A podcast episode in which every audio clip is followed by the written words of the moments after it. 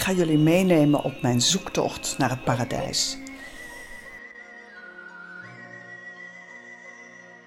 Alweer heel lang geleden liep ik vaak met kamelen door de woestijn. Ik ben ontdekkingsreizigster en dan doe je dat soort dingen. Maar dat hield op een gegeven moment op en ik dacht, ja, wat nu? Dus ik dacht, nou, Siberië lijkt me ook wel een plek waar van alles uit te vogelen is. Niet zoveel mensen, ook een beetje gevaarlijk. Misschien kan ik daar mijn weg wel vinden.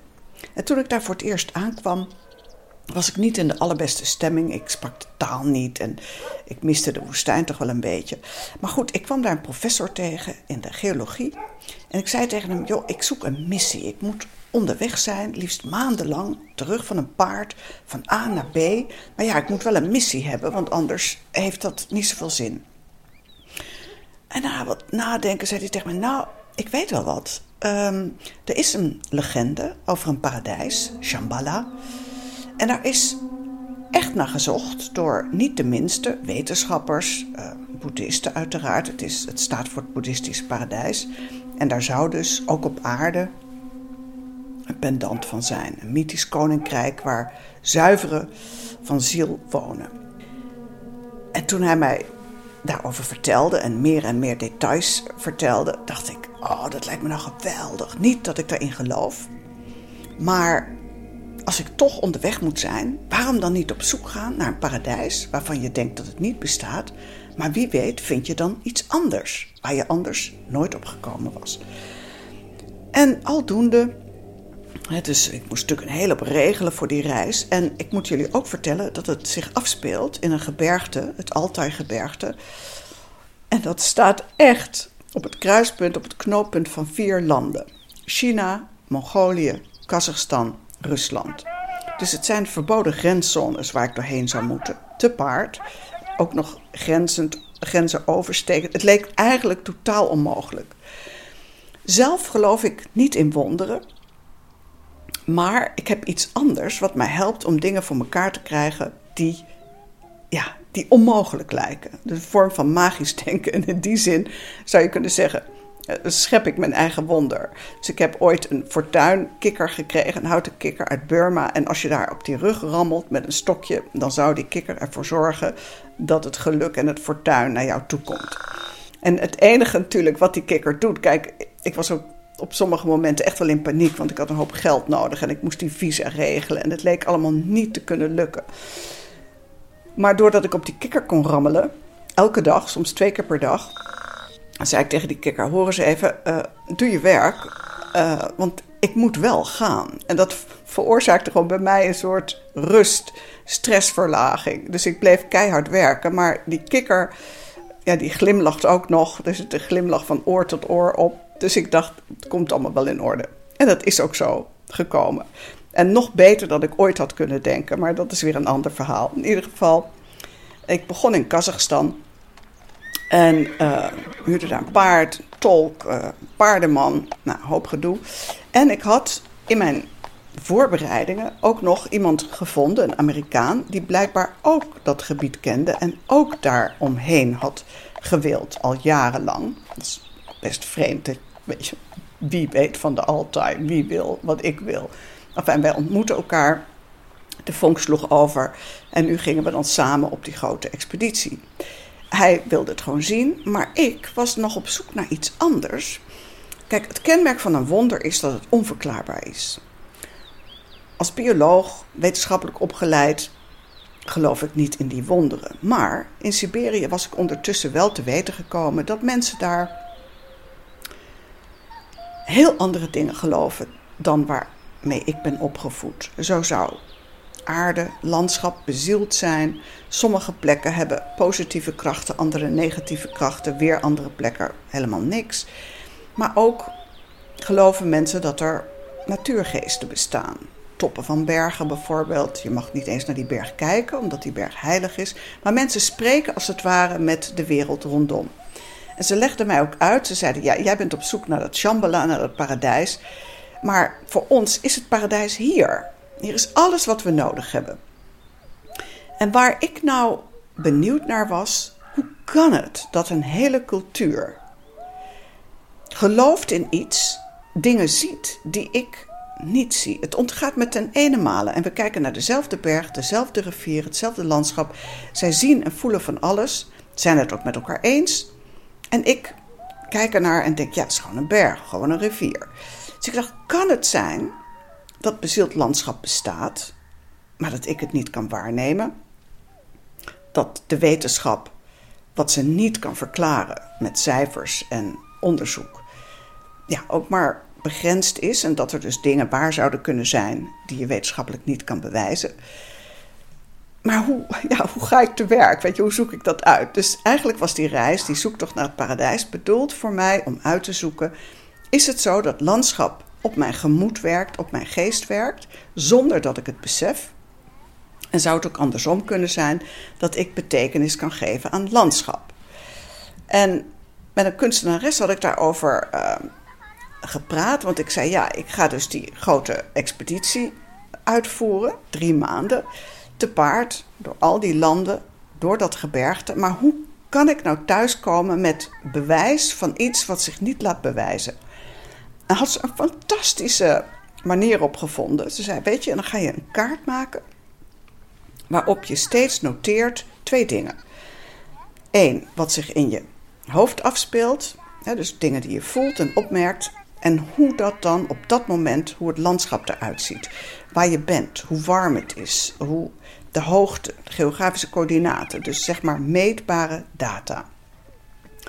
En als jullie me nog kunnen volgen, zou ik dus gevoelens verbinden aan data in de omgeving. En dan zou ik aan het eind van de reis, als ik die kaart had gecompleteerd, kunnen zien hoe mijn gemoedstoestand wellicht wordt beïnvloed door de dingen in de omgeving. Dat bleek ook te kloppen, maar dat ga ik nog niet uh, verklappen.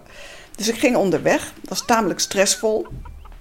Want je moet je voorstellen, ik kom daar met batterijen, camera's aan. Dat moest, dat was de enige manier waarop ik geld kon verdienen voor die reis. Uh, een partner die ik niet eens zo heel goed kende en die over genoeg geld beschikte om zich nergens iets van aan te trekken. Terwijl ik, ik arme sloeber, behoorlijk moest buffelen en keihard onderhandelde, ook met gidsen en tolken en zo. Um, en toen ik eenmaal onderweg was, zittend op dat paard. Het was fantastisch. Het landschap daar, juist omdat het verboden grenszones zijn. Er wonen nauwelijks mensen. Heel veel planten. Zo ongelooflijk indrukwekkend mooi als dat landschap is. Maar uh, ja, er vielen ook nog wel wat dingen tegen. Dus ik had behoorlijk wat momenten waarin ik het even niet meer zag zitten. En dat was dan op die kaart moest ik daar rode lijnen tekenen en bijschrijven hoe dat allemaal zat op dat moment. Dus bij mij bleek al snel dat alles wat vervelend was, was gerelateerd aan mensen. Alles waar ik gouden lijntjes trok, dus extatische momenten, had je dak gaan van blijdschap, had allemaal te maken met boven de boomgrens zijn uitzicht hebben. Uh, een lucht die tintelt van frisheid. Dus ik merkte gaandeweg wel dat dat landschap wel degelijk tot mij sprak, hè, om het zo maar te vertalen. Maar dat wonder, waar ik dan, ja, soort inzicht, waarvan ik dacht, ja, misschien ga ik het nu dan helemaal begrijpen, dat was nog niet uh, aan de orde. Op een gegeven moment kom ik in China, daar weer paarden gehuurd, weer onderweg. En ik dacht steeds maar, ja, het is fantastisch hier ik ben echt vaak uit mijn plaat gegaan, maar er mist iets. En het gekke is, het is alsof je niet op een woord kunt komen waarvan je weet, ik heb het ooit geweten, maar wat is dat nou? Dus ik had ook zo'n zeurderig iets van, ik kan het niet benoemen, maar iets is er niet, hoe mooi het ook is. Toen kwam ik in uh, Mongolië terecht, na twee maanden. Dus al heel lang onderweg, elke avond buiten slapen, regen, hagel, zon. Dus ik was ook een beetje, ja, zoals een paard geworden, alles maar over je heen laten gaan. En in Mongolië, daar was van alles aan de hand. Monte Clausier was uitgebroken in het gebied waar wij die paarden zouden huren. En één pakkameel. Dus dat liep allemaal in de soep. Maar als door een godswonder was de, werkelijk de enige man die ik kende in Mongolië... en die in de Altai woonde, waar ik dus was was gepromoveerd tot de coördinator van die mond- en klauwzeer happening daar in Mongolië. Dus ik klopte op zijn deur en heeft ons geholpen. En we kwamen aan paarden en een pakkameel. We gingen op stap.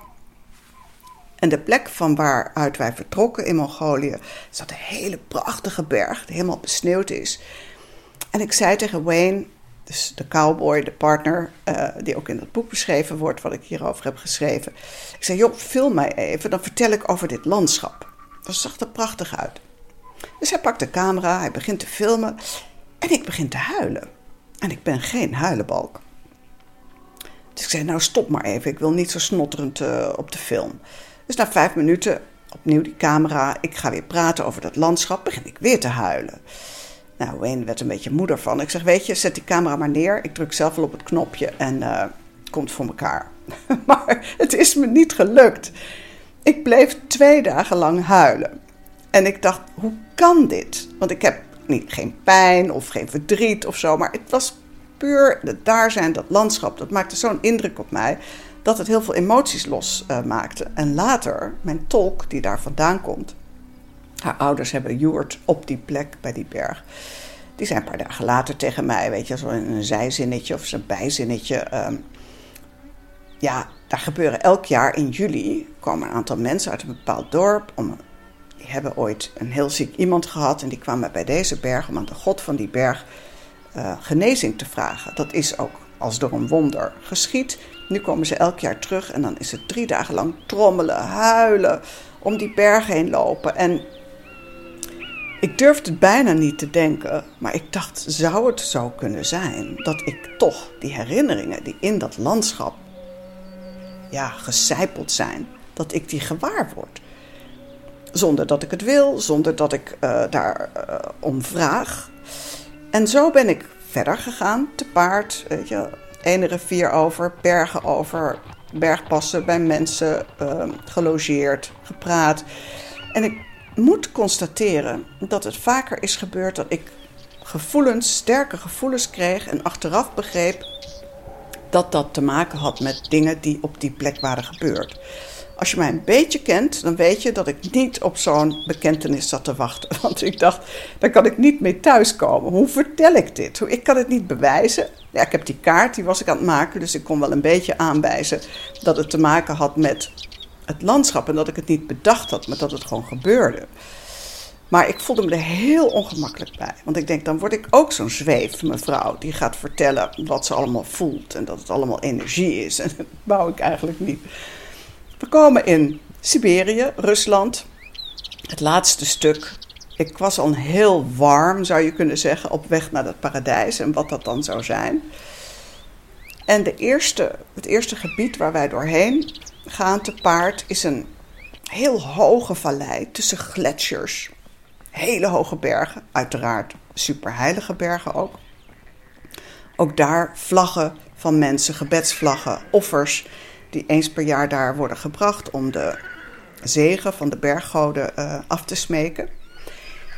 En dat doet iets met je. Ik merkte gewoon dat ik kon merken of een cultuur op de plek waar ik doorheen trek die natuur vereert of niet. En wat er dus miste in Kazachstan en China, daar zijn de nomaden zo ja, gehersenspoeld door hun, of door het communisme of door uh, de overheid, dat geloof en godsdienst is eruit geramd. Dus daar werd de natuur niet actief vereerd. Ja, terwijl ik het vertel, denk ik: oh god, wat zullen ze wel niet denken. Maar uh, ik zeg het maar zoals het uh, ja, is gebeurd. En daar in Siberië, dus op die plek waar niemand woont, waar het vrij guur is en je kan daar gewoon ook niet wonen, zei het landschap min of meer tegen mij: Horus um, je bent er bijna, je krijgt een antwoord, maar niet met al deze mensen om je heen. En al die mensen is dan een tolk, een paardenman, de cowboy, Wayne en ik. Je moet terugkomen in je eentje, dan kom je het te weten. Dat klinkt bizar, maar het was wel zo. Dus we maken die reis af. En ik zeg tegen de cowboy: Joh, ik kom over een jaar terug. Dan ga ik alleen te paard terug naar die ene plek. En dan krijg ik antwoord op mijn vraag.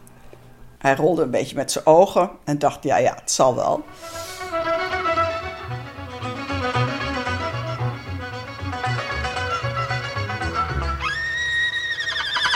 Maar ik heb het gedaan, ben het jaar erop teruggegaan. Paard, Kazies en ik. We zijn verdwaald, we zijn door de moerassen gegaan. Het was geen schoonheidsprijs hoe ik weer in dat gebied kwam waar ik moest wezen. Maar we hebben het gered. En ik weet nog, wij kwamen daar. En ik zag die bergen, weet je, die sneeuw en dat hoogveen en die rivieren daar. En ik zei tegen het paard, we hebben het, we hebben het gered, weet je wel, we zijn er. En uh, nou, het paard vond het wat minder leuk, maar oké. We zijn een aantal weken daar rondgetrokken, omdat ik dacht, ja, dat is het enige wat ik kan doen. Hier gewoon maar zijn en afwachten of die natuur dat antwoord geeft. En op een van die laatste dagen zit ik weer bij mijn tentje. Koud daar, echt koud. En met een kop thee, warm aangekleed, paard is aan het grazen. Um, en ik kijk weer naar die vijf hele hoge bergen, besneeuwd. De wolken die daar langs drijven, een kleur aannemen. Oranje, rood, weet je, alsof de draken daar aan het vechten zijn. En ik herinner me dat ik daar rondgetrokken heb op dat paard, rivieren over ben gegaan, die de ene moment rustig zijn en als het heftig regent, kolken van ja, water wat er doorheen moet. De bliksem die door die bergen wordt gemaakt daar, uh, rivieren die daar ontspringen. En opeens daagde het mij. Het is, ik dacht echt, ja, ben ik zo blind geweest? Natuurlijk leeft landschap en natuur. Alles is met elkaar verbonden. Dat veen onder mijn voeten, dat veert. De rivier die komt van de gletsjers vandaan, die gaat helemaal 7000 kilometer verderop, komt die in de IJszee uit. Weet je? Hoe kan ik ooit hebben gedacht dat de dingen niet verbonden zijn? Dat landschap en aarde niet levend zou zijn. Dus het is geen. Ja, voor de meeste mensen zullen zeggen: ja, dat kan ik ook op mijn yogamatje bedenken. Maar ik moest dat gewoon op die manier uitvogelen. En toen ik terugging de laatste bergpas over, terug naar de bewoonde wereld, toen dacht ik nog, ja, hoe, hoe moet ik dit vertellen? Hoe moet ik hier woorden aan geven? En toen merkte ik ook dat wij in Nederland heel karig zijn. Met woorden en taal die gaan over, je zou kunnen zeggen, de poëtische werkelijkheid. Het wonder, wat niet te verklaren is, maar waarvan je weet, er is iets bijzonders gebeurd. En je kunt het wonder noemen, of een ervaring, of een herinnering, daar gaat het niet om. Het gaat erom dat wij min of meer, misschien door de polders die we hebben gemaakt of uh, het rechtlijnige van ons landschap, ook vrij rechtlijnig zijn gaan denken. En ik wil heel graag pleiten voor meer taal om woorden te geven aan iets wat iedereen weet wat er is, maar wat je niet kan zien, maar dat daarom nog best werkelijk kan zijn. En uh, als afsluiting wil ik jullie een mooie ja, formule meegeven. En dat is, in het Engels klinkt het place is space plus meaning. En in het Nederlands een plek is ruimte waar je betekenis aan gegeven hebt. En dat is voor mij het wonder. Het begint in de verbeeldings, in je verbeelding, die verbeeldingskracht, een idee, een betekenis die wij aan landschap toedichten. Dat landschap is gewoon zichzelf. Dat doet niets anders dan zichzelf zijn. Maar wij kunnen ons ermee verbinden. En dan gebeurt er iets anders. Dat zou je een wonder kunnen noemen.